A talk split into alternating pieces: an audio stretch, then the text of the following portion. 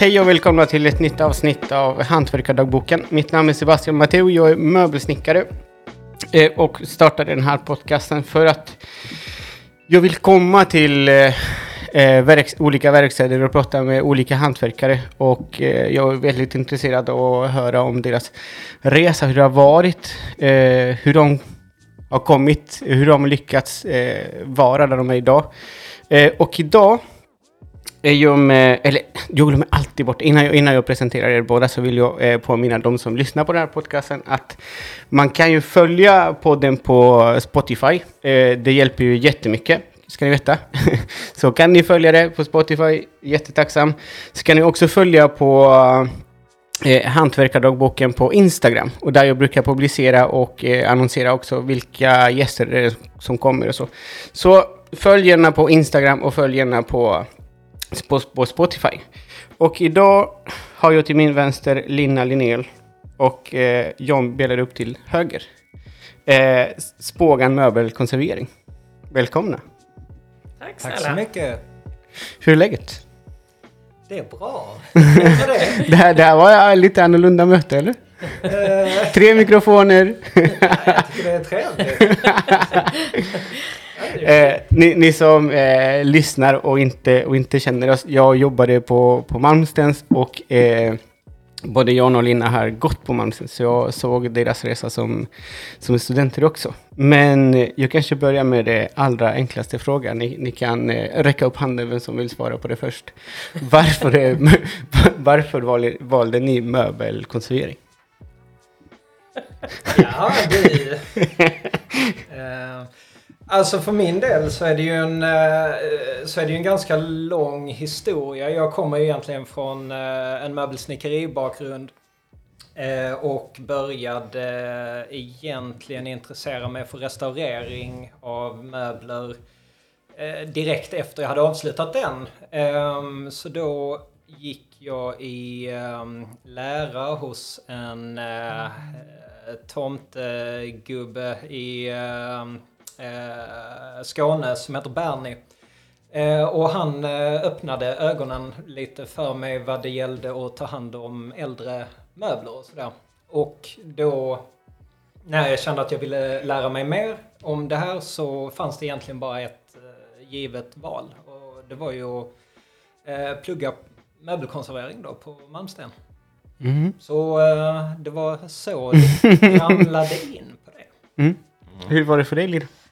Mm, Min resa var lite annorlunda. Jag har jobbat med försäljning i 20 år ungefär. I en massa olika former. Mm. Och eh, höll på att gå sönder utav det. För jag tyckte det var så förfärligt. Eh, det var så tråkigt och så tomt. Så att eh, jag bestämde mig för att ta en kurs i eh, möbeltapetsering på Folkuniversitetet. Och Så, sådana där kvällskurser Ja, jag gick en dag i veckan, måndagar, eh, på det. Och eh, tyckte att det var väl ganska kul sådär. Det var inte riktigt min grej. Men jag tyckte, ja men det är kul och härligt att göra något med händerna sådär. Och sen var det, ingick det en och en halv dag eh, där man skulle åka och vara ute på Djursholms möbelkonservator. Eh, och gå en kurs hos en man som heter Klas. Eh, och då skulle man bland annat limma om en stol och testa lite sådär. Och efter jag hade varit där i ungefär en timme så var det som att det var fyrverkeri i hela kroppen. Jag tyckte det var så häftigt. Jag bara älskade alltihopa. Jag blev tvärförälskad i allting. Allt, dofterna, hur allt kändes och ljuden, allting. Eh, Så jag pratade med Claes och frågade vad gör man nu? Det här är ju jättekonstigt. För det, det är ju det här jag vill göra. Eh, Så han eh, hjälpte mig och eh, han hade några helgkurser som jag gick. Och sen peppade han mig för han tyckte att jag hade talang för det här. Så han sa att du ska in på Malmstens, det är bara punkt slut. Och jag tyckte att jag var för gammal och att det här kommer inte gå och det, det här det är inte en chans att jag kommer in. Jag har, inte, jag har ingen erfarenhet liksom, det här kommer inte funka. Jo, jo, jo, sa han, vi löser det här, du ska in. Eh, Så han peppade mig och sen så eh, jobbade jag häcken av mig, rent ut sagt. Eh, Med arbetsprover och allting och kom in. Och eh, jag är den sista möbelkonservatorn som har tagit examen. För att det, det var en av mina följande frågor på, det, på den eh, fråga, eller det svaret. För att det... Eh, ja, det är ingen hemlighet, jag har nämnt det flera gånger under eh, olika avsnitt att jag har eh, jobbat på Mamsens. Och Mamsens har tidigare haft fyra utbildningar. Och det är möbeldesign, möbelsnickeri, möbeltapetsering och möbelkonservering. Men möbelkonservering lades ner för fem år sedan? Nej, fyra? Fyra tror jag va? Fyra år sedan. Jag tror det är fyra år sedan. Ja. Så det var efter, när jag gick första året tror jag det var. Så lades det ner under den Mm. För då, när perioden. du gick på ditt första år så gick Jon, Jon på andra året va? Ja, precis. Precis. Så var det ju. Och där träffade ni, ni varandra. Mm. Bestämde ni på skolan att ni skulle öppna något- någonting tillsammans?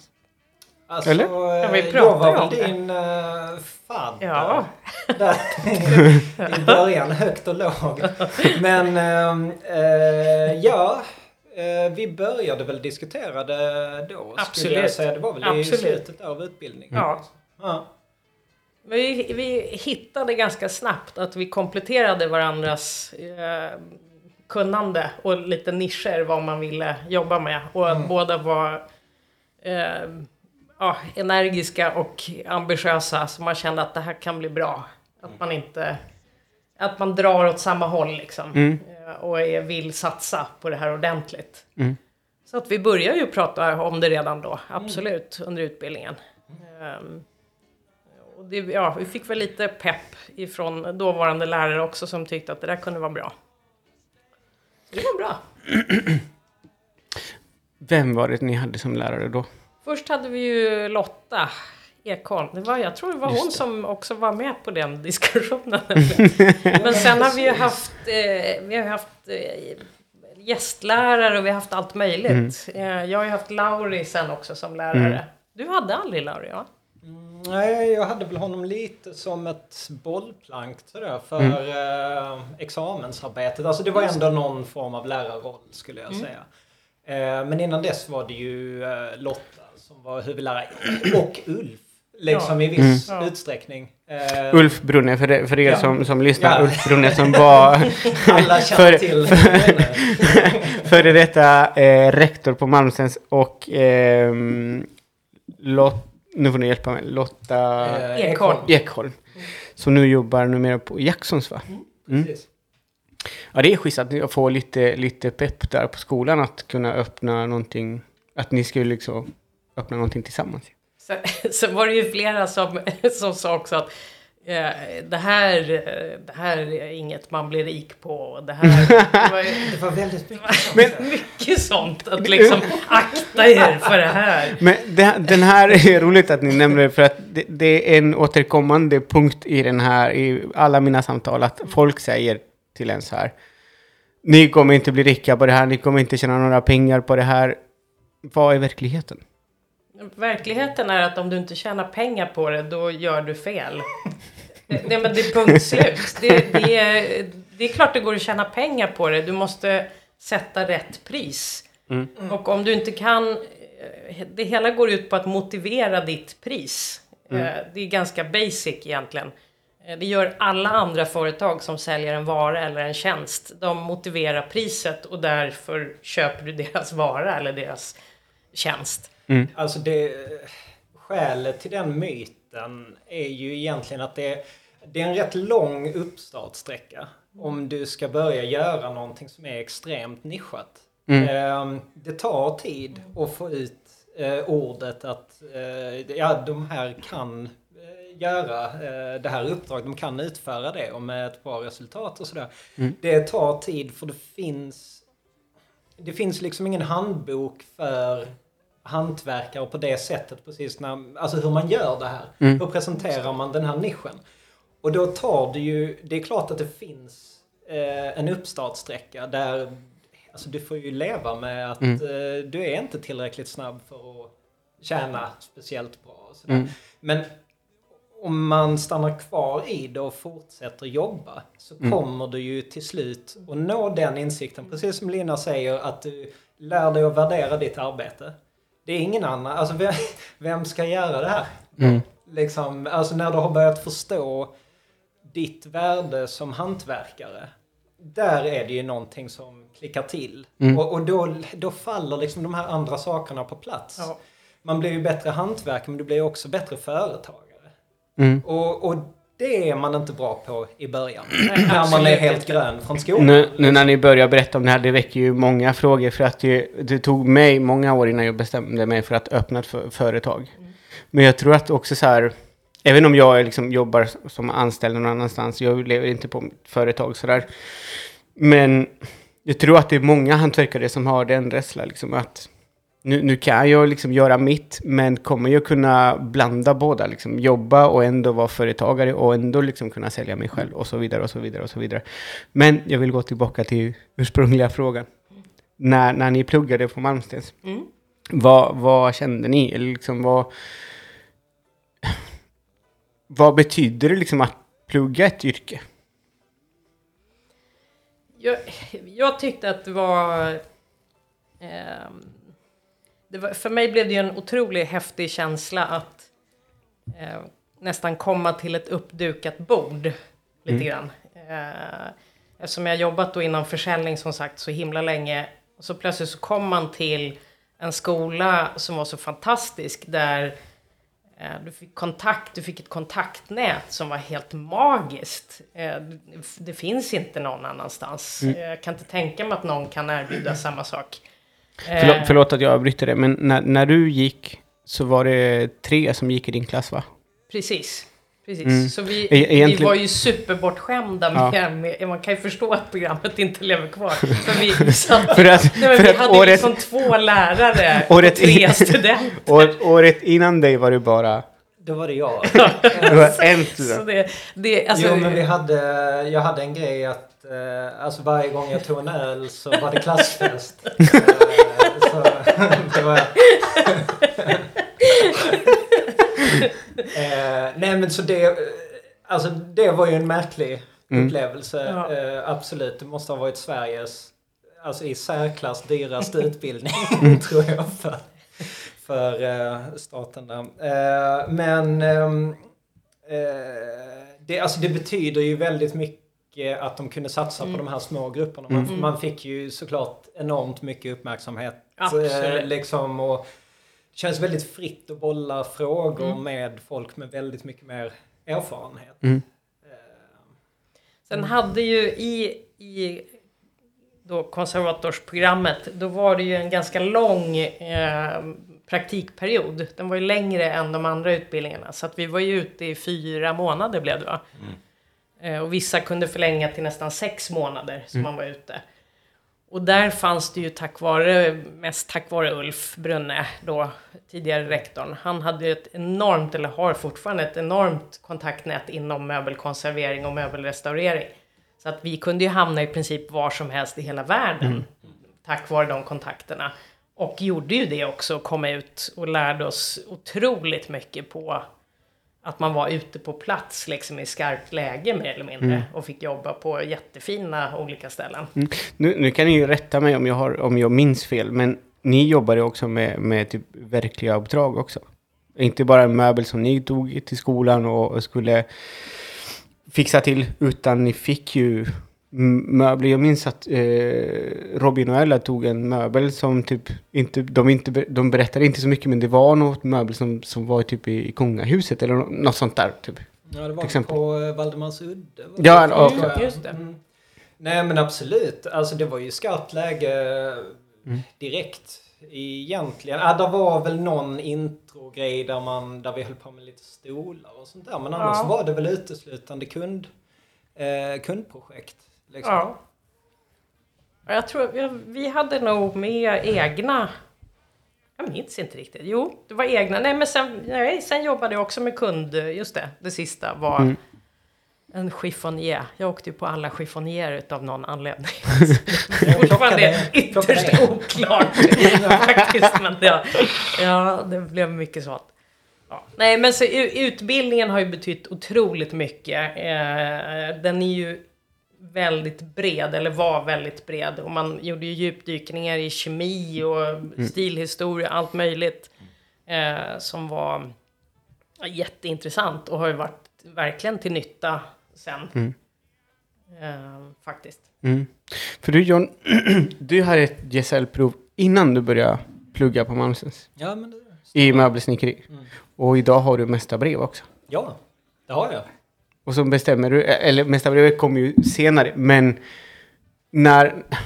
Man kan ju också tycka så här, ah, men jag har utbildning så kan jag satsa på det. Men du satsar det också på, boom, möbelkonservering. Nu har du liksom två, två utbildningar. Ja, men Mm. precis. Alltså det är ju svårt att sluta när man väl har satt igång.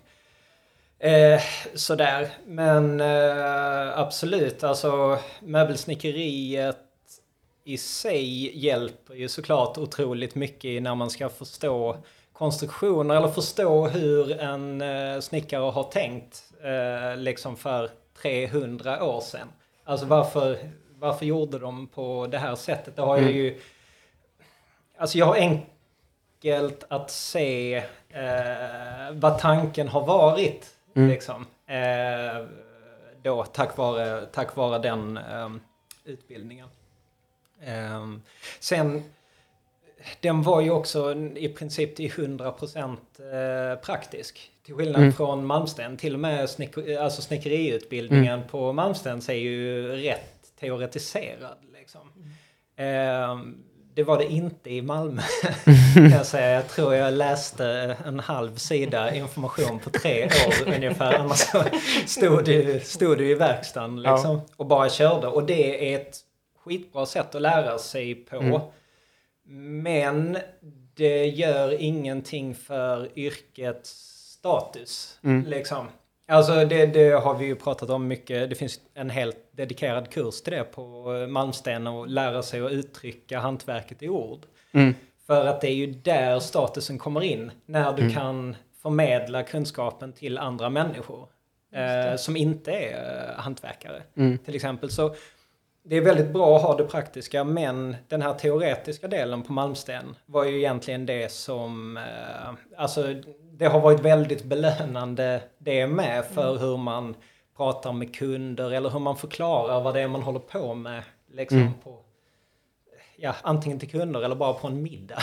liksom. Ja, men och där kommer ju lite grann in just den här, det tänket med att kunna ta betalt för sin tjänst. Då måste du kunna motivera ditt pris. Du måste kunna förklara hur svårt det faktiskt är att göra det här. Vad du måste ha tänkt igenom, hur du måste analysera den här möbeln innan du ens börjar arbeta med den till exempel. Mm. Det är många som inte förstår. Som, vi får ofta frågningar, där, där, förfrågningar de kommer in och säger eh, Jag skulle vilja att du slipar ner mitt bord och lackar om det. Nej, men det, det gör inte vi. Då måste vi ju förklara varför. Hur, hur tar ni... hur tar ni de frågorna? Till exempel, för att jag får ju många frågor om, om kan inte du laga den här möbeln? Och kan inte du fixa faneret på det här bordet? Och då säger jag, skicka en bild. Aha, det, det, det kan inte jag ta hand om. Det, jag kan eh, ge ett nummer till eh, några möbelkonservatorer som jag känner, och de kan ju fixa till det. Inte jag, ah, men det är bara, alltså det känns som att till en viss till en viss nivå så kan kunden mer än vad du kan. De säger åt en att ja, men gör så här bara så fyller det bra. och då tar jag det så här, ja, men den här personen som kontaktar mig vet inte riktigt. Ja, men om, om, det, om, om den personen tycker det, det är så himla enkelt, men gör det själv då. Typ så. Men- men, det, men det råkar man ju ut för ganska ofta och det kan vi ju...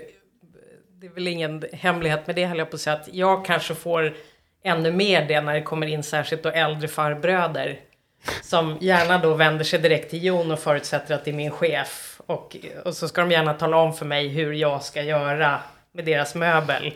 Det, det finns ju en hel del sånt fortfarande också. Men- och det, det kan man ju bara... Alltså, För, er- för er som, som har lyssnat på, på andra avsnitt, ja, speciellt den första med Pernilla Blixt, hon hade samma problem. ja, Hon anställde en, en, en, en kille, en man, eh, och när folk som en kom... dörrvakt.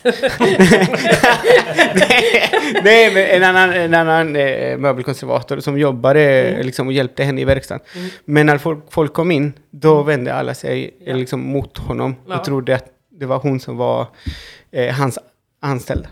Så Jo, det men var, det- det- och det- hon är ju mästare. Hon har ju Ja, ja. både gesällprov och mästarbrev. Det är så här. Jo men det, det, är, det är vanligt förekommande. Särskilt då är det det är äldre det män som gärna berättar att deras pappa var ju snickare och nu ska de berätta för mig hur man gjorde. Och, och då alltså. gör man bara så här och man står och bara tänker så här, "Åh, okej, prata klart nu så ska jag berätta sen hur man, att, så där gör man absolut inte och sen kan vi börja. Men vi har ju lagt till en rolig eh, grej där, där du brukar då bolla tillbaka. Det är väldigt roligt. För Jon ser ju på mig när jag håller på att tappa humöret. Så då, och då svarar Jon och så säger han så här. Ja, det är egentligen något du ska fråga vår faner-expert till exempel. Där sitter jag expert på vad som helst den här farbrorn frågar om. Och så hänvisar han tillbaka till mig. Det är väldigt roligt. Då, Ja, det är bra. Då måste man liksom... Ja. Men, men ofta så... Vi pratade lite om det tidigare idag faktiskt. Jag har en känsla av att folk som... När folk säger så, att det är ju enkelt, det är ju bara att man gör så här. Jag tror inte att man ska ta det som en utmaning, utan det är mer att de tror, de vill liksom visa att de kan ditt snack. De, de vill Ja, liksom exakt. komma in och lite så här, "Ja, jag fattar vad du gör, vi är kompisar och nu ska vi snacka om min stol. Och, ja, okej. Så det kanske mer är ett litet försök till att få kontakt, Ja. mer än att det är att de ska sätta en på plats. Exakt. Eh, Jag, jag tror att man ska försöka ta det, ibland går det inte, men, men man, man kan försöka ta det lite mer så och backa dem tillbaka Mm. lite försiktigt och visa att du använder man Mm. vit lim på det här så kommer du förstöra bordet för att och så förklarar man Mm. bara. Så, Ja. ja, det, det, det, det händer många gånger. Men hörni, ni har ju båda pluggat på Malmsens. Kan vara en av de bästa utbildningar i, i Sverige, kanske också även i Europa. Alltså rent möbelkonservering. Sen, eh, eftersom jag, jobbar med, jag jobbade där med, med marknadsföring, marknadsföring och rekrytering så var det jättemånga som var intresserade av, av att gå där. Mm. Och så blev det lite så här paff att eh, utbildningen hade liksom, att det inte fanns längre. Hur, hur tog ni det när ni fick nyheten att oj, vi, du Lina, di- din klass, det, ni var de sista som gick där. mm. Men alltså det är en jävla tragedi liksom. Att, eh, att det har lagt ner. För att det, alltså, den var ju ganska unik i sitt sätt att eh, liksom kombinera det här med att ändå vara relativt mycket praktiskt och relativt mycket teori. Alltså för det kan ju vara ett problem som eh, konservatorer överlag stöter på. Att det kan bli lite väl teoretiskt.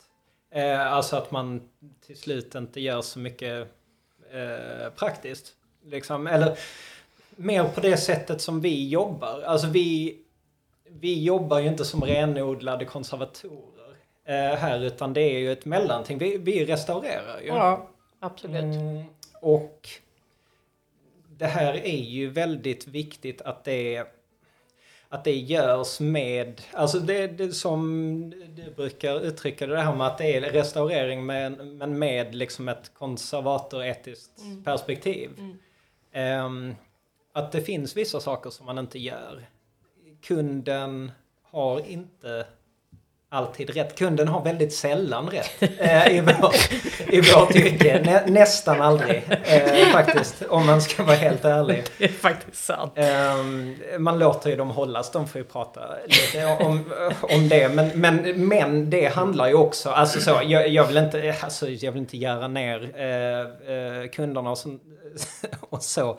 Utan det jag menar är att det krävs så oerhört många olika små kunskaper för att slutföra ett projekt på rätt sätt. Alltså det här, det känns väldigt enkelt att säga, du, det här bordet behöver lackas om. Då hamnar du plötsligt i, ja men vilken tidsperiod, alltså är det här bordet ifrån, vilket material har använts, vilket material gör att det klarar förhållandena det finns i just nu. Ehm, alltså det sen börjar du komma ner så vi- vilken spädning av lacken, Vi- alltså vilken luftfuktighet ska du jobba i? Alltså det blir större och större och större ju djupare du går in i det. Ehm, men till syvende och sist så ja, det kan vara att vi lackerar en bordsskiva liksom. Sådär, men, men, men det gäller ju att få kunden att förstå att det är så många steg innan dess för att ta rätt beslut.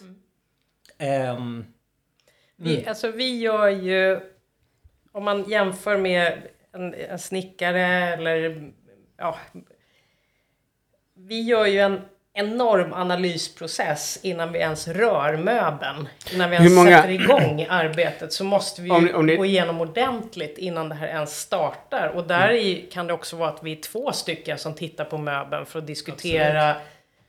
vad hade du gjort? Och rent mm vi jobbar ju med möbeln rent hypotetiskt ganska länge innan vi, Exakt. där vi står och bollar. Men vad händer om man gör så här då? Och sen om man lägger på det här, blir det bra? Eller ska vi göra tester på det här? Mm. Och så vidare. Så innan vi ens sätter igång med själva objektet så har det ju oftast gått x antal timmar eh, där mm. vi har analyserat hela processen först. Och sen sätter man igång. Så mm. man börjar inte och testar sig fram. Utan du testar innan du börjar på objektet och mm. sen kör du. Och hur viktigt, det är, hur viktigt är det för dig som hantverkare att kunna bolla med en annan hantverkare? Det är superviktigt. Mm. Superviktigt. Och det, vi gör ju det dagligen. Eh, där man tittar på varandras grejer, vad man håller på med. Och, eh, vi har haft ambitioner. Vi, nu har vi haft så mycket att göra så vi har inte hunnit göra det. Men tanken har ju varit att vi ska ha dragningar för varandra om de objekt man jobbar med. Mm. Så att man berättar eh, då att just nu jobbar jag med det här projektet, bla bla bla, det är ett bord eh, i det här träslaget, det här var lacken från början, jag har resonerat så här och därför så har jag valt de här, eh, de här materialen för att gå vidare framåt. Och så pratar mm. man om hur, så att vi får insikt hela tiden i varandras processer också. Mm. Man lär sig alltid någonting, snappar mm. man upp av varandra. Hela tiden. Vilken, förlåt mig, vilken fin grej ni gör.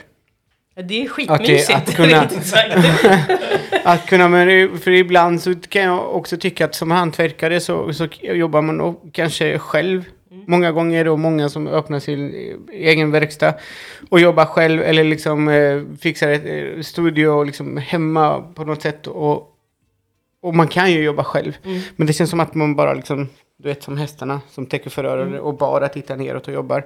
Men ni tar er till att kunna liksom presentera för varandra vad, vad ni har för projekt. Jag tycker det är liksom väldigt fint att höra att ni gör så.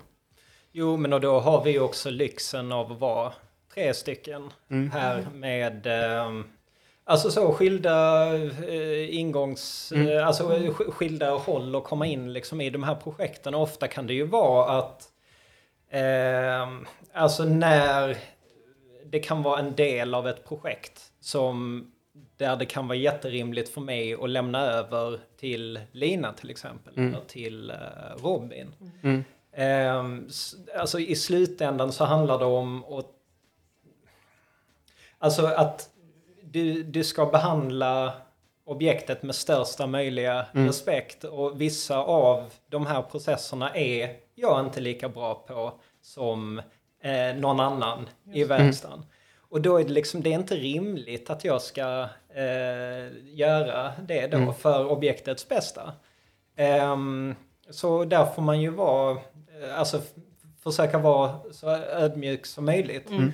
Och istället då till exempel, alltså då, jag lämnar ju inte över ett objekt och bara lös, lös det här. Utan då är det ju att man, man tar in en ytterligare, alltså man tar in en expert till mm. och så går man igenom processen. Mm. Det blir ju som en liten minidrag. Absolut. Nu, nu, måste ni ju berätta vart ni finns. Så att de som, de som, är, de som inte är kopplade liksom till, till någon utbildning och, och råkade lyssna på den här podcasten som ja, ja, ja. kan komma till er. Men då är ni alla varmt välkomna till Spågan möbelkonservering på Torsgatan 65 i Vasastan. Uh, mm. Där uh, ligger vår verkstad och där kommer den alltid att, alltid att ligga för jag orkar inte flytta en gång till. Det är så stort så det behövs inte. Precis. Nej, nu behöver vi aldrig flytta igen. Eh, Det känns bra.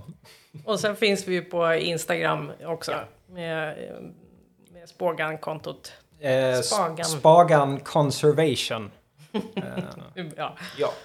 Det är bara att gå in och följa så kan, ni, så kan ni se vad de gör. Och en annan rolig grej ni har gjort på sistone, där ni har varit ganska eh, kändisar. ganska det. heta kan jag säga. Det. det är att ni, ni eh, var med i tv-programmet Återskaparna. Det stämmer. Hur, hur gick det till? Men fan vad jag blev glad när jag såg er på tv, måste jag säga. Ja, det var en väldigt konstig... Hur fan gick det till? Ja, men vi, det, vi tror ju att det är två... eh, Att det är tvådelat det här. Att dels det. så har de ju kontaktat Malmstens faktiskt och frågat efter några som kan vara lämpade. Eh, Och då är det ju Johan som har Knutsson som har rekommenderat mig tack vare mitt examensarbete och frågade om jag och Jon ville vara med på det här. Och sa att ni två verkar ju bra för det här. Och sen var det ju då Instagramkontot Mm. som de hade sökt på och sett. Kan vi, kan vi göra en parentes där? Ja, Jag brukar alltid säga eh, Instagram det är inte bara längre att visa vad man gör och roliga saker. Till exempel när man driver liksom som ett som en, eh, i mitt fall, typ konsthantverkare eller hantverkare. Det blir ens CV på något sätt. Kan, kan ni hålla med mig där? Att det är liksom ett bra ställe ändå att visa vad, vad man gör. Att, att, det folk, att folk ändå börjar där och söka lite grejer. Ja, som Eller? du riktar det mot privatpersoner särskilt så är det ju eh, absolut Instagram. Mm. Eh, Sen har jag jobbat en hel del med LinkedIn och testat det. Eh, och det har ju eh, lett till bra förfrågningar också. Mm. Så att det är värt att lägga lite tid på det här. Jag är inte så bra på det. Du, Jon är ju betydligt bättre på att liksom ta jäkligt snygga bilder och Mm. fixa och sådär. Eh, det, det är garanterat värt att eh, satsa på. Särskilt Mm. när man är ny eh, och ska få igång sin business. Så garanterat. Ja, men precis. Uh, alltså alla gånger du, du måste visa upp vad... du måste ju visa upp vad du gör. eh, på, på ett eller annat sätt. Och jag menar, kan du ha en portfolio som hela tiden uppdateras så är det ju klart ett optimalt sätt att, att jobba på. Ja, Alltså det blir ju... Det är ju en viss typ... Alltså på Instagram så säljer du ju... Du säljer ju en livsstil på ett sätt. Mm. Alltså eller en Mm, känsla. Mm. Eh, sådär. Så eh, vi kan ju inte vara så tekniska som vi kanske ibland vill vara. Eh, för att alla måste ju kunna förstå det. Det är ju inte för de liksom var 20 konservatorerna som följer Som en. bara, liksom, "Åh!" utan, alltså det blir ju inte speciellt kul utan man, man vill ju visa ja, men känslan av att komma in i en verkstad och hur det fungerar. Liksom. Mm.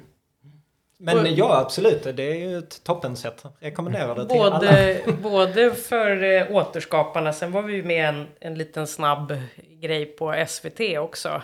Mm. Det var väl också ifrån Instagram de hade hittat oss. Så att folk, även om det om man tänker att det riktar sig mer mot privatpersoner så får man ju tänka ett steg längre att privatpersoner har också ett arbete dagtid. så att det, det, når, det når liksom både och. Det, men det är många som resonerar så har jag hört att ja, men det är ju bara privatpersoner. Ja, men de har ju ett jobb också, många utav dem i alla fall. Så att det det är ju, du kan ju passa på att ha det som du säger som ett CV egentligen. Mm. Så att eh, vi blev uppringda där Nej, men och skulle bli precis. castade och intervjuade och allt vad det var. Ja, och så var det ju liksom en... Uh, det var ju en uh, urvalsprocess såklart. Alltså, jag Jag menar inte det ihåg var hur ju lång tid inte... det tog. Det tog ett och ett halvt år eller någonting. Nej, Ja, alltså det höll ju på hur länge som helst det där känns det som. Vi trodde att det var över för länge sedan. De har valt bort oss. Och sen dök det upp igen. Hej! Eh, Är ni fortfarande intresserade? Ja. Ja. fick, vad heter det när man, när man liksom som skådespelare söker till en film? Ni fick... Eh, En audition. audition. Ja, ja, precis.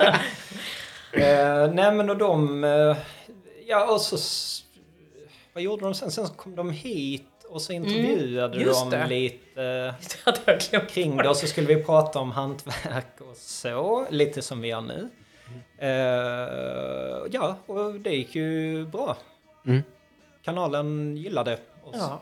Så vi blev, hur många hantverkare var vi som var fast? Var vi sju? Nej, Ja, det var väl något sånt va? sju tror jag. Ja. Som blev då utvalda. Mm. Ehm, och så fick vi då eh, jobba i sex veckor på den här filminspelningen då. Sex veckor. Ja, Mm. så nonstop i sex veckor. Eller ja, vi, jo, vi var ute och Ja, jobbade några ja, helger också. det- Det blev ju hysteriskt. Hur hann ni med alla möbler? Så... Nej men vi fick ju planera in, eh, alltså det, det, det, var, det var helt, det var helt Nej, sjukt det var ju faktiskt. planering, planering, planering. Och man fick, Ehm, eh, alltså nu, de visar ju som att man gör, åh nu tar vi emot ett, ett objekt och eh, så jobbar jag med det och så lämnar jag ut det. Så var det ju inte riktigt, utan det blev ju att alla objekt filmades inlämning första två veckorna blev väl. Och sen jobbade man ju parallellt på alla objekt samtidigt som hysteriskt och sprang runt.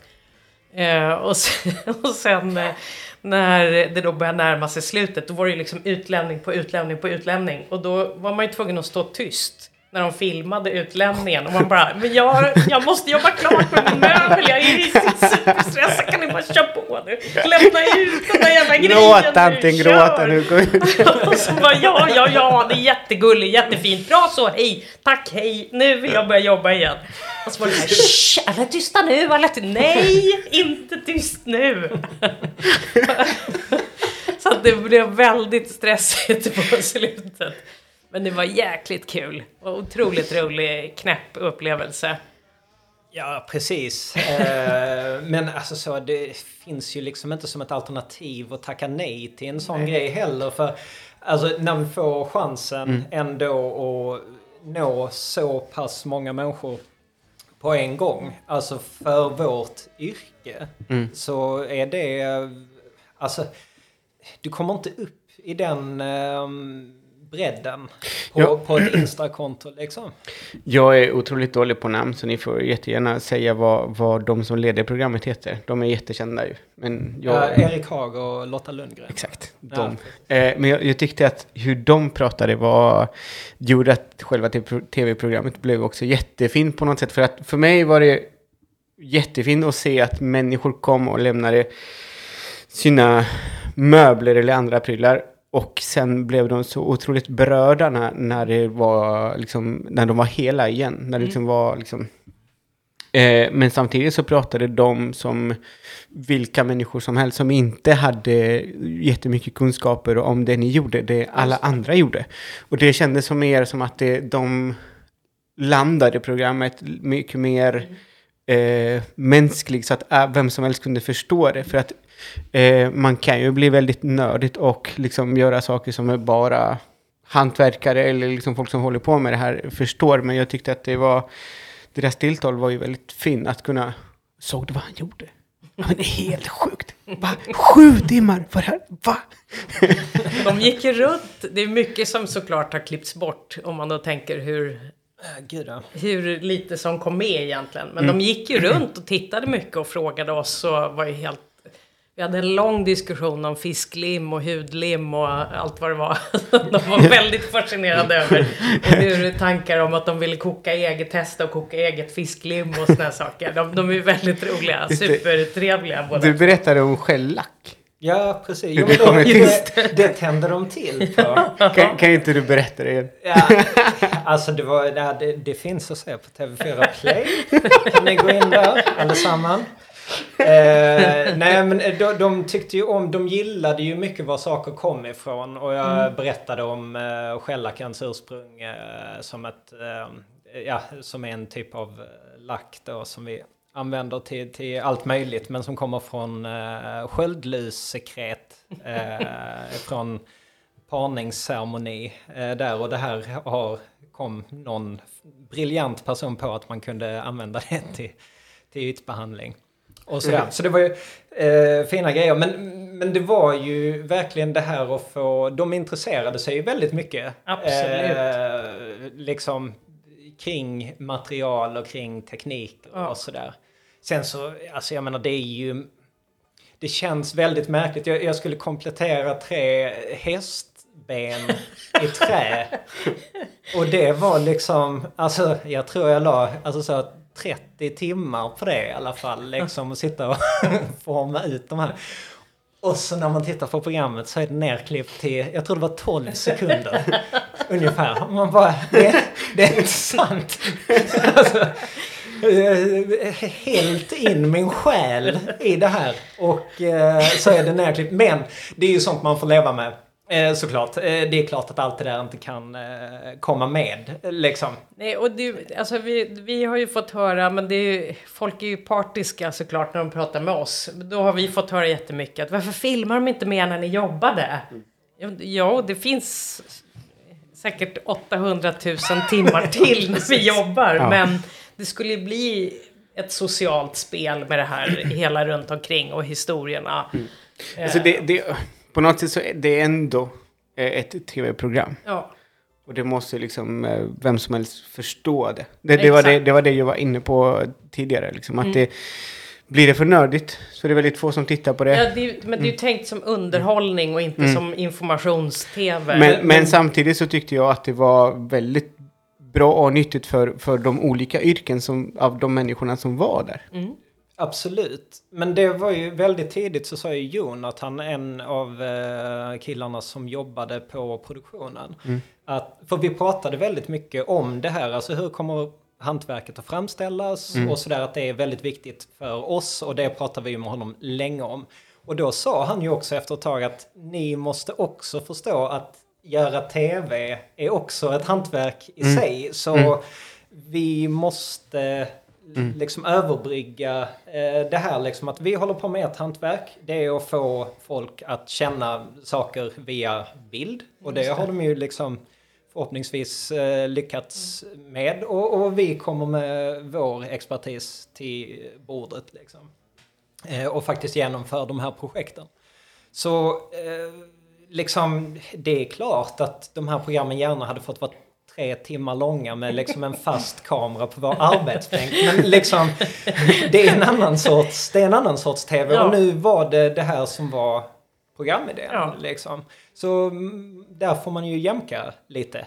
Ja, men, Ehm, och, och som du sa också, det var ju ett hantverk att se, alltså se kameramännen till exempel i deras hantverk. Det var också jättehäftigt att se hur de, deras samspel när de filmar från olika, alltså ibland hade man ju tre kameror på sig. Så och hur de studsar runt utan att den andra syns. Och så är det någon som står med en stor mick ovanför och ska hoppa runt. Och det, alltså det, det, det var så häftigt att se hela det spelet också. Att wow, okej, det, det här är ju mycket mer avancerat än vad man tänker sig. Att, ja, det är väl bara, då, då är jag ju lika dum i huvudet som man då kan tycka att kunderna är när de säger det är bara slipa ner och lacka om. Jag tänker det är väl bara att filma och sätta på någon mick och så är det klart liksom. Vad är problemet? Bara stå still, det är väl inte så jävla svårt. Och så såg man liksom, wow, okej, de är tre personer, olika vinklar, närbilder. Kan du göra om det där? Kan du hålla så där? Kan du säga om det där? Eh, titta snett ner när du gör det där. Vad, vad, är det som händer? I början var man ju helt borta. Jag var helt slut när man kom hem första två Ja, veckorna. Man var helt förstörd.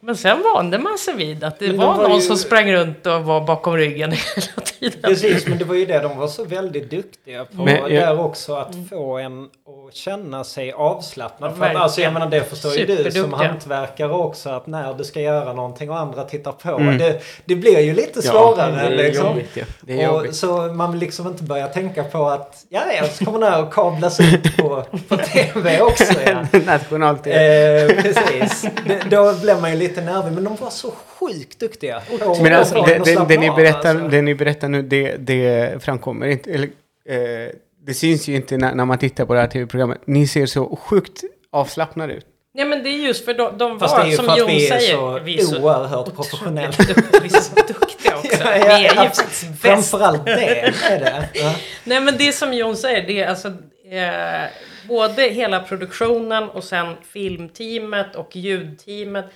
Det var sån eh, fin gemenskap med allihopa. Jag Mm. åkte bil med till exempel två av filmkillarna varje morgon som man hade sällskap och, och hem sen också. Mm. Det, kände, det, var, det blev mer som att det var ens kompisar som var med. Mm. Som man stod och jobbade med. Det var liksom inte...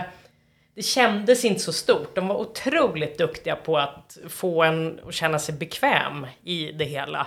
Och sen tror jag både du och jag hade förberett oss lite. Och det är ju faktiskt tack vare skolan en del.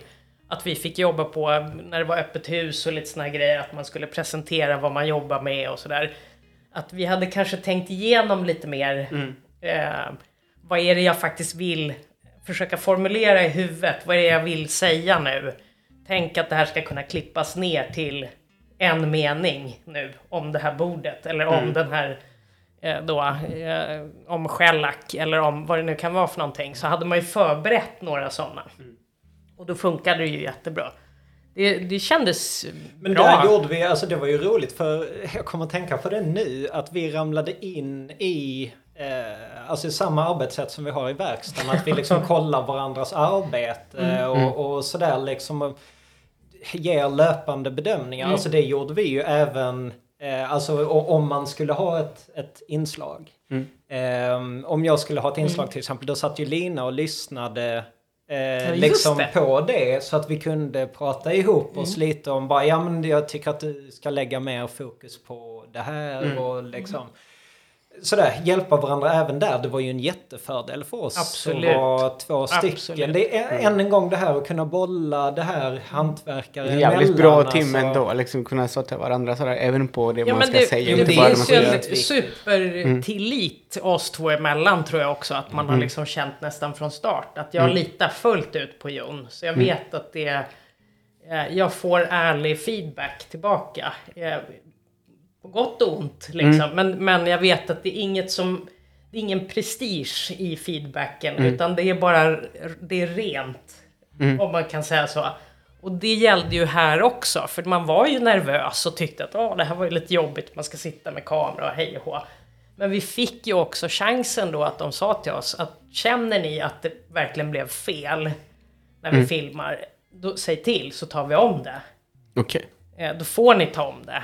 Eh, Och det, det hände väl bara ett par gånger. Men Ja men då var det sådär att man snavade lite på något resonemang. Ja. Nej men du vet. Ja, men då kunde man bara säga så här, okej stopp, kan vi, kan vi börja om? Ja visst, och då liksom, då, då var det ingen tjafs, utan nej, ja absolut, okej, och då kör vi.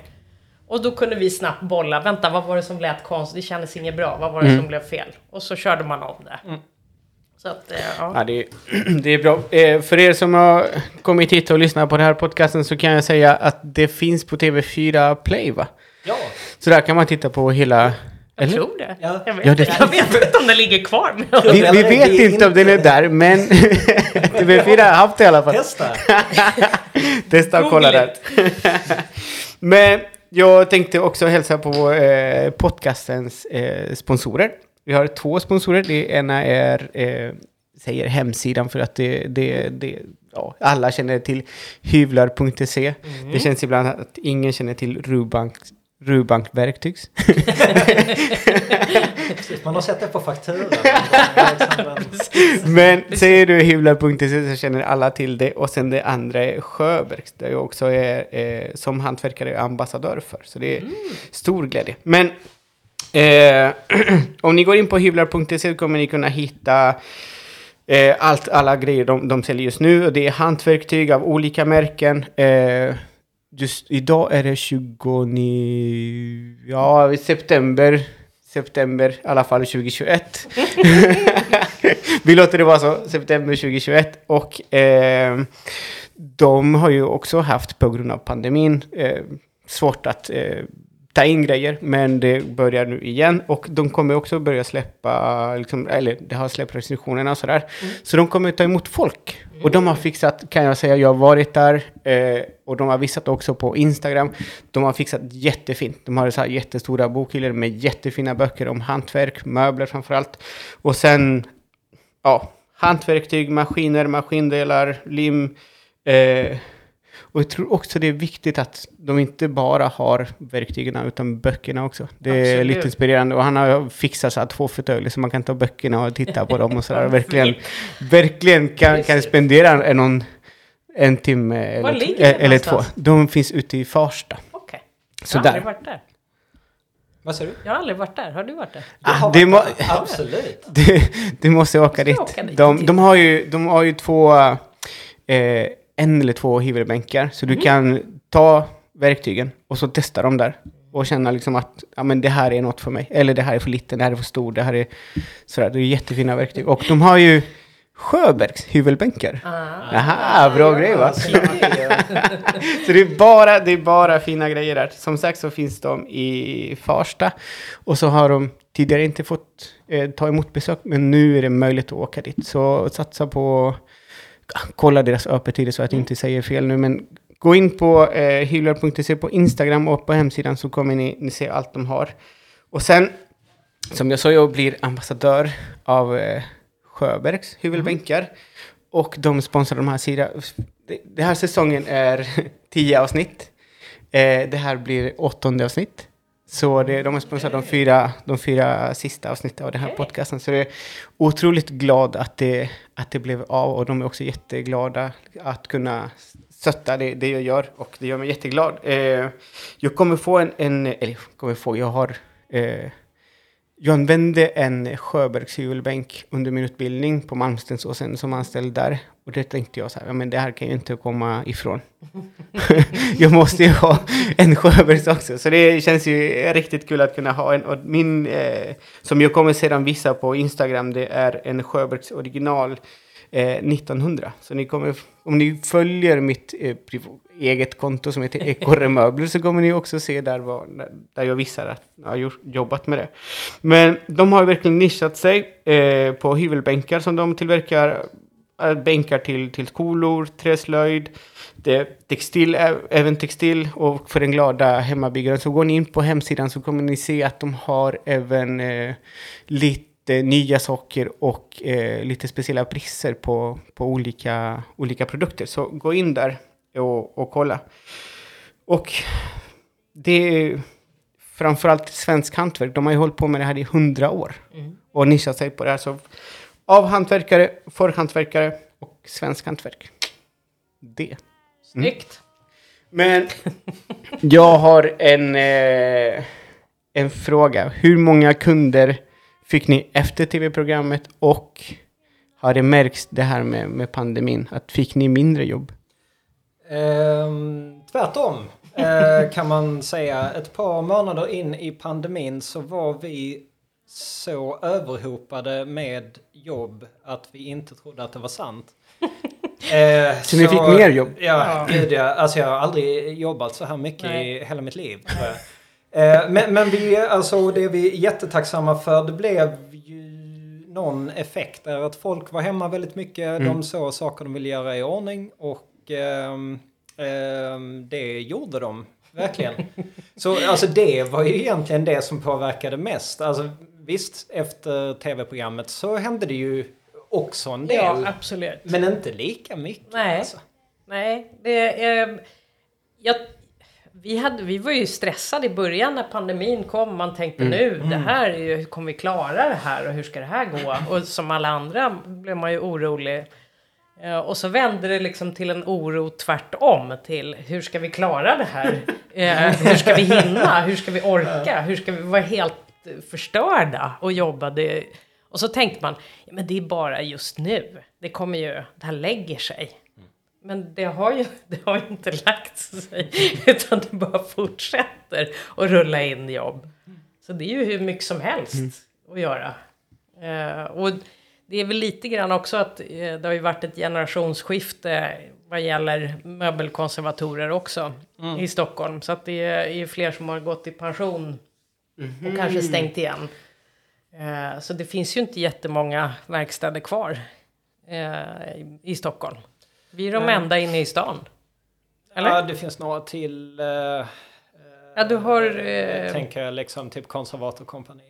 Ebonist är ju... Ja, eh, Ebonist. Men han tar nästan också. inte emot Ja, nej, jag, matkunder. Jag vet inte. Nej, Jag vet inte, jag är osäker där. Eh, Men, men det, alltså, där, finns, eh, där finns ju några stycken. Men, men det känns som det har gått ner lite i hur mycket jobb som faktiskt hinns med. Mm. eh, Tror jag. Mm. Men ja, ja vi fick... eh, eh, Vi trodde att eh, pandemin skulle vara hemsk att gå igenom. liksom eh, sådär. Eh, såklart som alla. Så Ja. man var ju skitorolig. Ja, verkligen. Eh, liksom det, och, och så kände man att bara nu har vi precis liksom fått igång det här Ja. på ett bra sätt och Mm. det rullar på fint och så. Och så kommer det här. Liksom. Så det, det var vi ju klart nervösa för men eh, det visade sig att det var obefogat. Eh, lyckligtvis. Ehm, så ja. Eh, för, för oss så, så var det ju faktiskt någonting Mm. positivt arbetsmässigt. Absolut. Det var det ju. Vad, en fråga till var och en. Eh, vad är det viktigaste och svåraste möbel ni har fått i era händer? Oj. Alltså, vi, har- det, är- det är så svårt att svara på. Svåraste... Det jag, jag vet vad min svåraste är. Kör, berätta. Det är eh, Bolivian Rosewood-bordet. Ja, det. Det var ett knepigt, just där det är en, en eh, när vi pratar om det här med lacker, att det kan vara så svårt. Eh, Mm. Där det var en lack som låg på och eh, lacken och träslaget verkade jobba emot varandra. Mm. Så att det blev väldigt konstiga eh, skiftningar i lacken som var otroligt, ja det var väldigt knepigt bord helt enkelt. Vi fick jobba jättemycket med det där. Jag fick mm, hjälp av Jon också med det för det var, ja det var så man höll på att bli helt galen på det. Just när man, det är ett träslag som vi inte har jobbat med förut och när man då börjar läsa om träslaget så skriver de flesta hantverkare att det här är jättesvårt att jobba med. Och det visste man ju inte om när man tog in då, tog emot det här objektet. Så att det blev, ja det var lite kaos. Ja, det var en lärdom. Gud, alltså jag, jo men jag har... Um, gud, vad- det, det har varit så mycket. Alltså för mig har det väl mycket varit de här... eh, Jag har ju haft vissa projekt där det är liksom i princip en serieproduktion av, eh, av möbler. Att du liksom står och gör liksom 70 stycken Mm. sto- stolsitsar av någonting. Och det har ju mer varit... ehm, Alltså så, jag gav ju mig in i det här för att man skulle få Mm. jobba med unika objekt. Varje grej är något nytt. Så just det här att stå och mata ut, det, Mm. det har liksom... Det kanske inte är det här du är ute efter riktigt. eh, liksom. Eh, Men ehm, det är ju liksom jobbigt mentalt när man är så bortskämd med att få jobba med nya saker Mm. hela tiden. Eh, sådär, men där kändes det ju lite som att man, man gick till ett kontor och liksom verkligen bara malde samma sak om och om igen i liksom en och en halv månad och då, då var man ju rätt trött. Men vad sa det? du, vad, det svåraste Det och svåraste och det viktigaste. Det Viktigaste kan vara rent så här... viktigaste eh, det kan vet vara- du ju vilket det är. Det är ju samarbetsprojektet med brorsan. Ja, det var ju så Det är så viktigt. fint. Jag ja, nej, det var det. helt det är otroligt. bästa uppdraget jag Eh, haft. det, jag hade, det var en, eh, I vår förra verkstad så kom det in en väldigt eh, prydligt klädd herre i 75-80 års åldern kanske. Så trenchcoat och hatt och hela grejen liksom och kom och frågade då om eh, vi möjligtvis hade kunnat hjälpa till med en omflätning av, eh, det var någon, eh, alltså det var, det var liksom en rätt stor historia, någon nyrenässans-grej. Ehm, och så sa vi att jo men absolut det kan vi göra och sådär. Uh, och så sen började han berätta vad det var han höll på med. Och då visade det sig att han hade en bror, en äldre bror, som nu bodde på ett, eh, eh, alltså på, på ett eh, boende, ett, ett hem. Och han eh, hade demens. Eh, då så han mindes liksom, han mindes bara saker från en viss tid när han var liten. den här eh, brodern. Så han mindes sin barndom och sånt där. Och då hade då den här mannen bestämt sig för att han skulle inreda hela hans rum på boendet eh, så som det såg ut i deras barndomshem. Så de hade liksom satt upp paneler i, eh, alltså som man hade plockat ner från det här huset. Så de satt liksom mot väggen. Och alla möblerna som var där var från hans barndomshem. Ja, för han blev väl orolig av... Alltså han mådde inget bra på det här hemmet. Så, så brodern skulle återskapa barndomshemmet för att lugna honom. Så han Ja. skulle känna sig hemma och känna igen sig. Helt otroligt. Så, så vi gjorde det här eh, jobbet i alla fall och skickade iväg det och så fick vi, alltså jag, min, jag vill minnas att det var handskrivet Jo, nästan. handskrivet alltså jag tror han hade som kom. Mm. lämnat ett kuvert i, i, i porten liksom. Där han då eh, skrev och liksom tackade för det här jobbet och att eh, hans brorsa hade känt igen den här eh, möbeln som vi hade jobbat stolar. Två stycken, ja. Ja. precis. Som var, Han hade känt igen det här liksom. Och, eh, Alltså, så, Wow. Och det var, ju, det var ju omflätat både sits och rygg va? Ja. Och så hade jag färgat in, det var rotting som var infärgat. Och Mm. så hade jag färgat in och försökt matcha exakt samma färg som det var Mm. Förut. Och han kände igen båda stolarna. Det var ju så fint så Ja, man det nästan var- började grina när man fick det där brevet. Jag börjar nästan grina. Det är så jäkla fint. Nej men så folk är ju, de är ju otroliga. Ja. Alltså. Eh, och det- det är ju det vi får ta del av väldigt mycket just för att vi får jobba så mycket med affektionsvärden. Och, och sådär att folk kan ha så starka band till möbler och det alltså, never gets old. Nej. Eh, alltså de blir så glada. Ja. Och det är därför det är så svårt att svara på det där för det handlar ju liksom inte om att eh, det viktigaste objektet har varit något som har varit jättedyrt eller väldigt ovanligt eller Just något sånt det. där. Utan väldigt ofta så handlar det ju om den här mänskliga, ofta väldigt mänskliga historien som finns bakom. Eh, och det, det är ju egentligen den, eller det är ju min favoritaspekt absolut. av det här jobbet. Absolut. Jag säga. Det tyckte jag, det fick man ju med i ett av äh, återskaparna avsnitten. Med den här byrån som jag fick äran att jobba med. Som jag först tänkte bara herregud, jag vill verkligen inte jobba med det här. Eh, för det var ändå byrå som en tjej hade målat vit. Så att den var riktigt shabby Ja, chic. den, eh, ja. och jag tänkte bara herregud, har de inte hört vad jag har sagt på liksom, alla möten vi har haft? Att jag jobbar, det, vi vill inte ha någon shabby chic, jag ska inte återställa någon shabby chic. Men hela grejen var ju att den skulle återställas till ursprungsskicket då. Eh, och hennes, all diskussion med henne och sen efteråt. Så hon, hon har ju kontaktat mig efter programmet. Och sådär och bad om att få mitt visitkort så hon kunde limma in det i byrån Ja, och såna det. grejer. Det var så gulligt. så att eh, det är klart, det, det är ju det är så mysigt att få, um, få den inblicken i någon annans liv. Och att de bjuder på det. Det, det är ju många kunder som gör det. Eh, där man verkligen får... Eh, det känns så viktigt det vi gör. Ja, men alltså jag tänker ju spontant på kopplingen vi har med möbler. Vare sig du är intresserad av ett hantverk eller, eller inte. Innan jag ens bestämde mig för att bli möbelsnickare, som kanske också var rent av en stor slump. eh, jag minns hur, eh, hur min farfars bord känns. Alltså exakt, jag, jag kan liksom blunda och liksom så här känna, men den glipa här och det repet här och du vet allt. Och det är anledningen varför jag, jag byggde mitt eh, matbord. Så när jag visste att jag skulle bli pappa så tänkte jag, boom, nu blir det bord. För att jag vet att min son kommer ju klättra under bordet, på bordet, överallt. Och det är det han har gjort liksom. Så jag tänker så här, om 30 år så kanske han kan prata om, ja men, du vet, farsan. Då Farsan har ju tillverkat det. var alla repor Exakt. och Pappa gjorde fel här.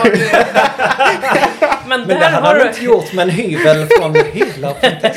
Men där, där har du också svaret på varför man inte ska slipa ner och lacka om. För de där reporna ska få vara kvar. För att det är farfars repa. Eller Ja. det är pappas eh, repa i bordet eller liknande. Det är ju det vi vill bevara. Det är därför vi inte vi drar aldrig ner något till, från början och börjar om på det sättet. Utan de här märkena ska få finnas kvar i möbeln.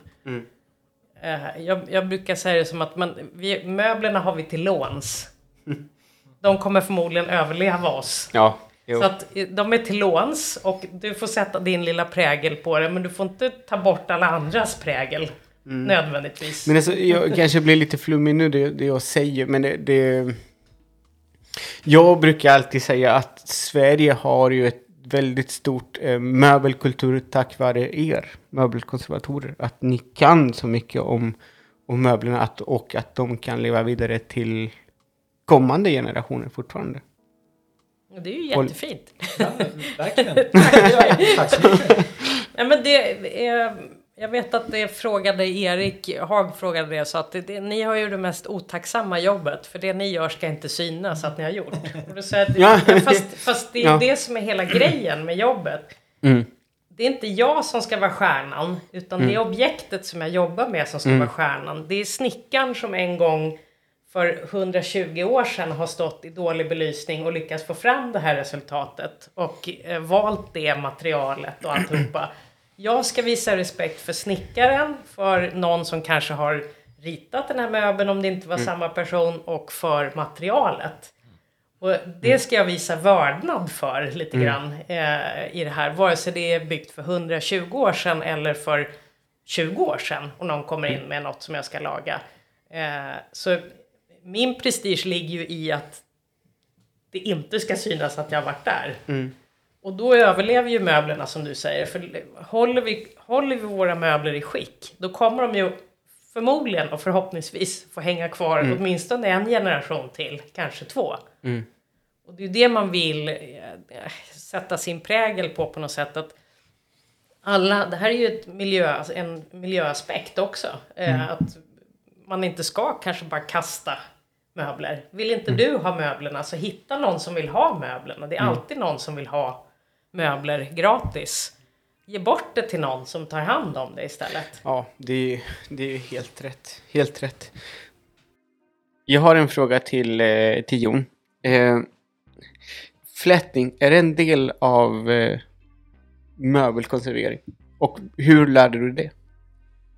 Um, egentligen, ehm, när man flätar om en möbel så, så eh, närmar ju det sig, eh, det är ju en typ av renovering egentligen. eh, För jag byter ut allt materialet. Men Mm. det är ju det är ett material som slits, Mm. som slits ut efter ett tag och, och går i sönder. Ibland har man inget annat val än, än Mm. att fläta om göra det. Men det, det känns som att det är ett, ett, ett hantverk i sig också. Jo men det är det absolut. Ehm, och det är ju en del egentligen av korgmakeriet Mm. skulle, man ju, eh, skulle man ju strikt talat Mm. eh, säga. Ehm, och det började väl lite som ett specialintresse Mm. egentligen. Så ehm, det var ju min gamla läromästare som fick in mig på det och lärde mig, och, eh, lärde mig att fläta. Sen så har jag gjort det väldigt mycket med min mamma faktiskt. Eh, hon flätar också. Eh, så det har vi, ja det är vad vi gör i min familj. Sitter och flätar grejer. Nej men alltså det är någonting. jättemysigt. Ja det är supermysigt. Min mamma är tapetserare förresten. Eh, så om Ja. ni är i Skåne och behöver en tapetserare så Ja, hör jag lite er till, eh, till Anne Bjellerup på Möbelsöm. Hon är pensionerad nu men har ni något riktigt fint så kan hon nog tänka sig att hjälpa till. Ehm, nej men så eh, jag började ju med det och eh, insåg, alltså men det här är ju den här kärleken för nisch, eh, Mm. eh, nischat arbete. Så det börjar ju med liksom så traditionell, eh, eh, det som man ofta kallar för fransk flätning och så. Och så sen eh, har jag egentligen sett varje flätningsprojekt som en ny utmaning. Alltså det är ju en hel värld att bara gå igenom eh, Wegners, eh, Wegners grejer till exempel. Alltså där det är så geniala lösningar Mm. på det och det är också den delen av eh, yrket som är ehm, det är ett så rent hantverk. Eh, Mm. Du mäter liksom knappt någonting. Du går alltså till nästan 100% procent på känsla. Mm. Och du liksom måste... Du kan inte mäta hur hårt du ska spänna en rottingskena Mm. utan det sitter liksom i händerna. Man lär verkligen händerna. Mm. Eh, Och göra det här. Hade haft jättesvårt att förklara de sakerna. Liksom. För, för att jag, du har ju kommit tillbaka till Malmstens nu som alum och eh, Ja. visat den här flättningen. Precis. Och jag vet att många nappar på det. Liksom, jag har varit där när de liksom börjar ge sig på det här och tycker liksom det här är wow. Och sen så börjar de rita möbler med till exempel flättning och så. Mm. Men hur kan man förklara det du säger? För att det, det jag tycker det är väldigt intressant att man kan, när man pratar om, kanske om tyskkunskap eller liksom att när du pratar om, om det sitter i händerna hur mycket jag ska dra. Mm. Hur lång tid tar det innan man kommer dit själv liksom? Ja, du. Jag vet liksom inte om jag har eh, kommit dit än och jag har ändå hållit på med det rätt länge nu. Ehm, Men det som är roligt med att visa det här på Malmstens för eh, de här studenterna det är ju att det finns det finns andra saker att sitta på. Eller, om du förstår vad jag menar. Mm. Liksom, det, det finns alternativ här. Eh, alltså, eh, då kan det vara rottingsitsar eller eh, alltså sn- snörsitsar med papperssnöre eller sjögräs och sånt där. Mm. Alltså du kan ju, du kan ju verkligen lyfta en möbel med, med att använda den typen av eh, Mm. hantverk. Ehm, För det såg man ju i Återskaparna att det var inte bara en stol utan du gav det, det var en eh, Josef Frank, eh, mm. vad kan man säga att det var för En eh, solstol där Ja, som exakt. jag höll på med. Ja. Precis. Ehm, det var ju ett av, ett av projekten. Men det var, jag, tyck, ja, jag tänkte så här, wow, vad, vad han kan tänkte jag på när, när du gjorde det. För jag vet också att det, det kanske känns som en, en återkommande eh, möbel, men eh, The Wishbone Chair, Mm. den får du in ganska ofta eller? Mm, absolut. Ehm, och, och det är ju i sig ett helt annat Mm. hantverk. Liksom, och, och jobba med det materialet. Mm. Där är det ju om möjligt ännu mer eh, rent hantverk. Mm. För där är det, ja, ma- man bygger upp det i väldigt, väldigt många olika varv. Mm. Då, den här sitsen som kallas för en kuvertflätning. Och där påverkar spänningen av nästa varv hela tiden medan man bygger upp det. Eh, Ja, det, det är som sagt väldigt Det svårt att så förklara. sjukt. Ja, för att du, har även jobbat som, som man kan ju säga, säga produktutvecklare va? Mm, Åt jo, men eh. Gärsnäs. Mm. Mm. Jo, men det stämmer. Ehm, Hur var det där liksom? Eh, jo men det var ju otroligt roligt. Eh, jag älskar ju att jobba med ehm, eh, det är ju David Eriksson som eh, ritade den stolen, Hedda heter den. Och det, alltså det var ju ett jättegivande samarbete Mm. liksom. Och, och ta fram en sits. Eh, det är ju liksom, det har traditionella element men formen på den är lite annorlunda liksom. Men, men han hade liksom gett sig fram på att han ville ha någonting som inte eh, som inte var en klassisk Mm. eh, Alltså inte den enklaste lösningen Mm. kan man väl säga. Utan han gillade det här intrycket av papperssnöre och ehm, eh, han fick ju igenom det. Mm. Ehm, så där har jag absolut flätat en del eh, av dem. Nej, men jag, har ju, jag har ju nämnt det tidigare i andra avsnitt också att det är nördar. Det är ju fan i mig i framtiden. Nej men alltså oftast när det kommer till någon väldigt specifik så kommer man till den som har nördat sig mest på Mm. något sätt och kan sitt shit. 100 procent. Så det är, när jag såg, för att jag följer er på, på Instagram, när jag såg hela det arbetet, hela den utvecklingen, det var så här wow. Och, och fan vad roligt liksom, att, det- att det händer. Mm. Men alltså i, i det ska också sägas att i de här hantverksyrkena, eh, alltså man kan, man kan tömma så mycket tid Mm. ner i de här olika sakerna. Och nu är det ju för oss så är det ju viktigt att liksom vara inne på flera olika områden. eh, och jobba så att vi nördar ju inte eh, liksom på, vi nördar ju inte på samma sätt som man gjorde för eh, liksom 50 år sedan eller 100 år sedan egentligen Nej. där du hade en arbetsuppgift. Exakt. Alltså Mm. nu är vi snickare, vi är eh, svarvare, vi Mm. är korgmakare och allt sånt där. Ehm, och ja, vart vill jag komma med det egentligen? Man, man måste ju liksom nörda ner sig i flera olika... Och så måste man lära sig att stoppa någonstans Mm. där det liksom är rimligt. Att Mm. okej, nu måste jag inte gå vidare fast jag vet att jag hade lätt kunnat lägga ett år på Mm. att undersöka det här fyllnadsmaterialet och se hur det funkar. Eller den här Mm. flätningen eller den här, vad det nu kan vara för någonting.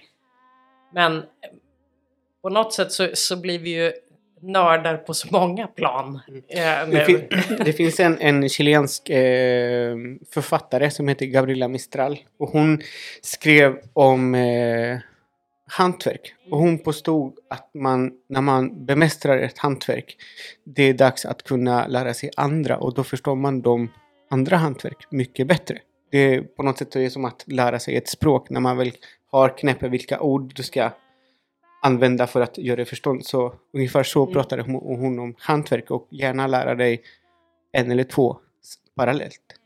Ja men alltså det, det märkte vi ju båda två eh, under just återskaparna. Nu kommer vi tillbaka till det hela tiden. Men, Mm. men det var ju otroligt kul att få jobba nära. Särskilt eh, urmakaren blev det ju mycket med. Mm. Som verkligen har nördat ner sig på sin Mm. eh, grej. Där han sitter och svarvar små miniskruvar som han tillverkar från scratch och alltihopa. Och, ja, men han var ju som MacGyver så det var inte klokt Mm. vad han kunde tillverka. Där var det ju, kunde man få ut så mycket av Mm. hans expertis, hans nörderi Mm. som han har gått kunde vi liksom känna av om man blev triggad av varandra. Att Mm. Ah, aha, du har löst det där sådär. Då ska vi gå tillbaka och lösa det här så här. Och så blev det liksom... det, blir något, det blir en positiv spiral Ja. av det, absolut. Men det är ju det som också ger en... eh, Alltså det finns ju vissa dagar när man blir, alltså när man är trött på sitt arbete på, på, av det ena eller det andra skälet. Liksom. Mm. Men det som gör, eh, alltså det, det är en stor del av det som gör att det är väldigt kul att gå till jobbet för att man har liksom inte en aning om, alltså man, man kommer att lära sig någonting nytt i, idag. Mm. Liksom det, det kommer att hända någonting och det kommer aldrig ta slut. Mm. Finns inte en chans Nej. i världen att bli fullärd. Eh, på det här och det är, alltså vissa kan ju tycka att det är jobbigt. Alltså att man, det finns inget slutmål Mm. riktigt. Men alltså jag tycker det är en sån drivkraft. Eh, alltså du vet, när du börjar känna att nu har jag stått och flätat i sex månader i sträck. Liksom, då är det bara så ja nu kan vi eh, eh, undersöka polering ytterligare. Så, så står det med det i ett halvår liksom. Ehm, men alltså så, det är verkligen ett tips Mm. till eh, folk som undrar vad de ska... Alltså folk som tycker att deras jobb är eh, kan kännas lite meningslöst och sådär. Det är fan in i hantverket. Eh, och, alltså för det, det är bottenlöst hur mycket du kan eh, Mm. lära dig. Alltså, Ja, det, alltså, det är med- helt möbel, otroligt. med, både Att det ens är lagligt. Ja, möbelkonservering och möbelrestaurering, det är ju ett enormt brett yrke. Ja. Alltså det är ju så stort så att det är inte Mm. klokt. Man kan göra väldigt mycket egentligen. Hur mycket som Mm, helst. hur Och du kan ju helst. välja att nischa dig på olika... eh, och som vi var inne på tidigare så har ju vi nischat oss lite olika. Vissa grejer gör vi Mm. lika. Eh, jag flätar också rotting men inte så mycket det andra. Eh, men jag har då gått mer på infärgningar och mer Mm. på retuscher och mer sådana saker. Jobbar, håller på undersöker fyllnadsmaterial och sådana grejer. Och då kan vi ju det häftiga blir ju att jag kan ju få nörda in mig lite grann på Jons Mm. nörderi och få liksom känna lite på det. Men jag Mm. behöver inte gå hela vägen. Utan jag kan liksom få plocka lite godbitar ur vad han Exakt. har kommit fram till. Och så kan jag ta med mig det till min arbetsbänk och tänka, aha, hur kan jag nu använda det här Mm. vidare? Så att det blir ju hela tiden en vidareutveckling utav Mm. oss tre eh, med Robin också. Att han har hittat eh, något som han har nördat in sig För på. jag måste nämna eh, Robin Helgesson som jobbar här med er också. Mm. Han är ju... Och hoppas du hör den här Robin, du är en helvetes hantverkare. Fan vad du är bra. Det stämmer, du är jätteduktig Robin. Han finns också, han finns Och också på snäll är du Instagram. också, Robin. Vi tycker om dig Robin. du, du Lina, jag har en, en fråga till dig. Ehm, du jobbade tidigare som, som säljare. Mm. Och eh, jag har hört det från många personer att det är någon typ det är någon typ av rutin och man blir trött på det och, och liksom man kanske hamnar där att man inte riktigt tycker om sitt jobb eller jag har så otroligt mycket att göra. Man kan ju tjäna mycket pengar och sådär men man, man hinner inte med något annat och så. Men den känslan som jag får idag när jag kommer hit är att ni har jättemycket jobb. Liksom. Mm. Så vad är skillnaden nu till exempel när du har jättemycket jobb i den här verksamheten och till exempel när du var, hade jättemycket jobb som säljare? Det är jätteenkel skillnad. Mm. Nu är jag lycklig. Nej, men det är faktiskt så basic. Eh, eh, det är så här.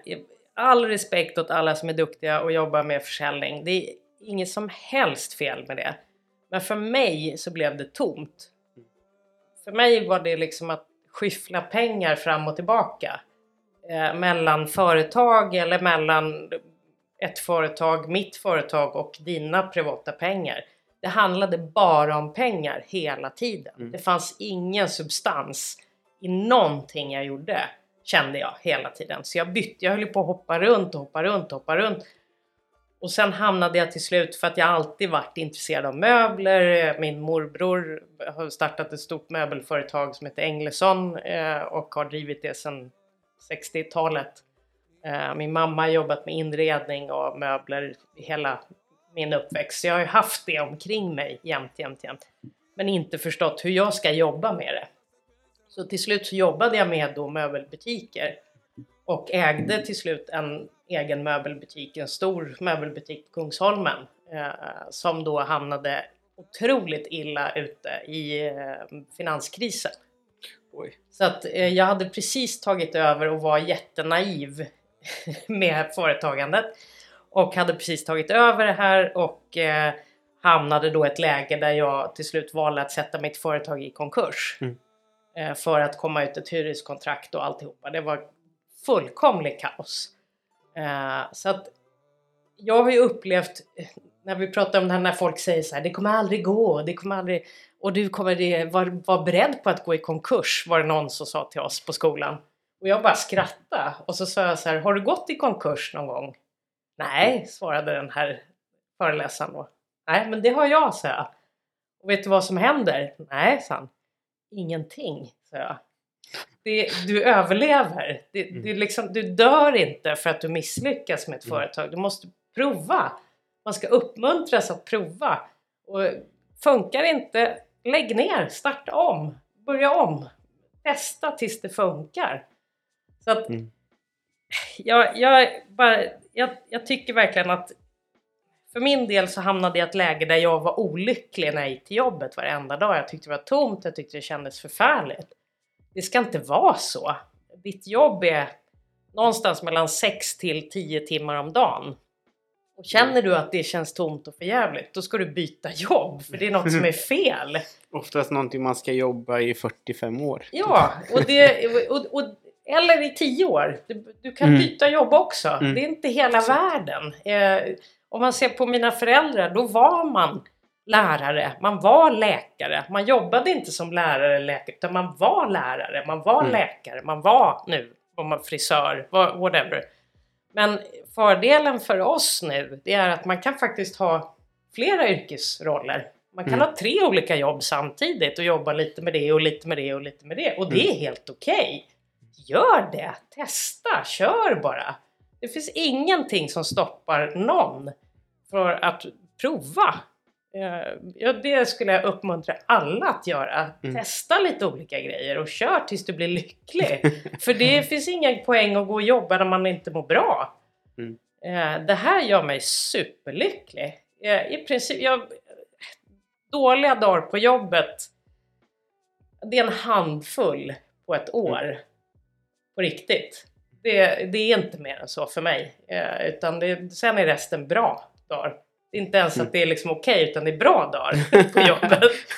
Så att, eh, det är väl det man ska sträva efter. Att Mm. bara ha skitkul när man går till jobbet. Och jobba med bra folk. Det är så, så skönt att höra det. Liksom att, det, att hur man har det i, i en verkstad, liksom när jag jobbar tre personer och bara har toppendagar på jobbet. Det är... Det är inte bara jag som nu- har det introt. nu, tog, nu tog jag i lite... Nej men att man, att man har det bra liksom och att kommer till en plats där man... Ja, man kan ha sina, sina dåliga dagar men ändå så har du liksom två personer till som du kan bolla dina idéer Mm. med och sådär. Och som ni har sagt under det här samtalet, liksom att ni har fortfarande väldigt mycket att, att lära er och att ni är pepp på det. Liksom. Att Mm. inte bara så här, ah, jag kommer aldrig bli fullärd men ni tar det liksom så positivt så det, det, det är roligt att höra. Man ska aldrig känna att man är mätt. Nej, På något sätt. nej fy Det- fan vad tråkigt. Ja, så otroligt tråkigt. För då, då, är, ja, men då är det finito. Då är det dags Mm. att stänga dörren och, och liksom slänga in nycklarna i brevinkastet och gå därifrån. Om du känner att nej men nu är jag klar. Det blir inte mer än så här. Det, det, det är liksom, nej men då, ja, okej, lämna in då. För det, det, du måste uppåt, uppåt och framåt, framåt och uppåt hela Mm. tiden. Hörni, jag ville eh, verkligen tacka er för att jag fick komma hit. Ni, ni har ju stannat efter jobbet. Jag kommer också efter mitt jobb hit från, från Uppsala och, och eh, spelar in det här avsnittet. Det är verkligen otroligt tacksam att jag fick komma. Eh, har ni någonting ni vill dela med er till eh, hantverkare, till eh, vanliga människor, till andra? Alltså först och främst tack själv. Ja, verkligen. Eh, alltså du gör, Tack. ju, du gör ju en insats här. Eh, det är Tack. bra att de här yrkena, att, man- att du belyser dem. Mm. Eh, Ser till att de behåller sin viktighet. Precis. Nej men sådär, det, det är väldigt eh, inspirerande. Men eh, Mm. ja, och dela med sig till, eh, ja, Ja, men det, jag, jag måla man, inte era möbler. Ja, Kan vi ja börja det, med? sluta att limma också Ja. saker. Sluta bara limma. Det, Det skulle jag varit varit, ja, det hade varit, jag hade varit jätteglad om ni slutade med det. Och sluta måla saker. Ring först innan ni limmar. Ja, men det är väl jättebra. Ja. Om ni tänker göra någonting väldigt stort med mormors skrivbord Mm. eller någonting. Ring oss och fråga först om det är Eller en bra idé. Eller mejla. Liksom Frågan sådär. är alltid fri. Japp. Kom ihåg det. Och för er som sitter och jobbar själva och tycker att det är rätt trist att vara ensam på jobbet. Slå ihop er med någon. Mm. Som ni kan bolla grejer med och samarbeta istället. Och man, ni behöver inte jobba i samma verkstad men ses på en lunch och snacka lite om vad ni ska jobba med den här veckan. Samarbeta mera. Eh, det behöver inte vara samma yrke ens en gång men en annan hantverkare så man får lite inspiration tror jag är superviktigt. Man inte Mm. tappar, tappar eh, lågan eller vad man ska säga. Man ska få, få, få fart på sig Mm. på något vis. Vad heter ni på Instagram? Eh, då har vi kontot Spagan Conservation.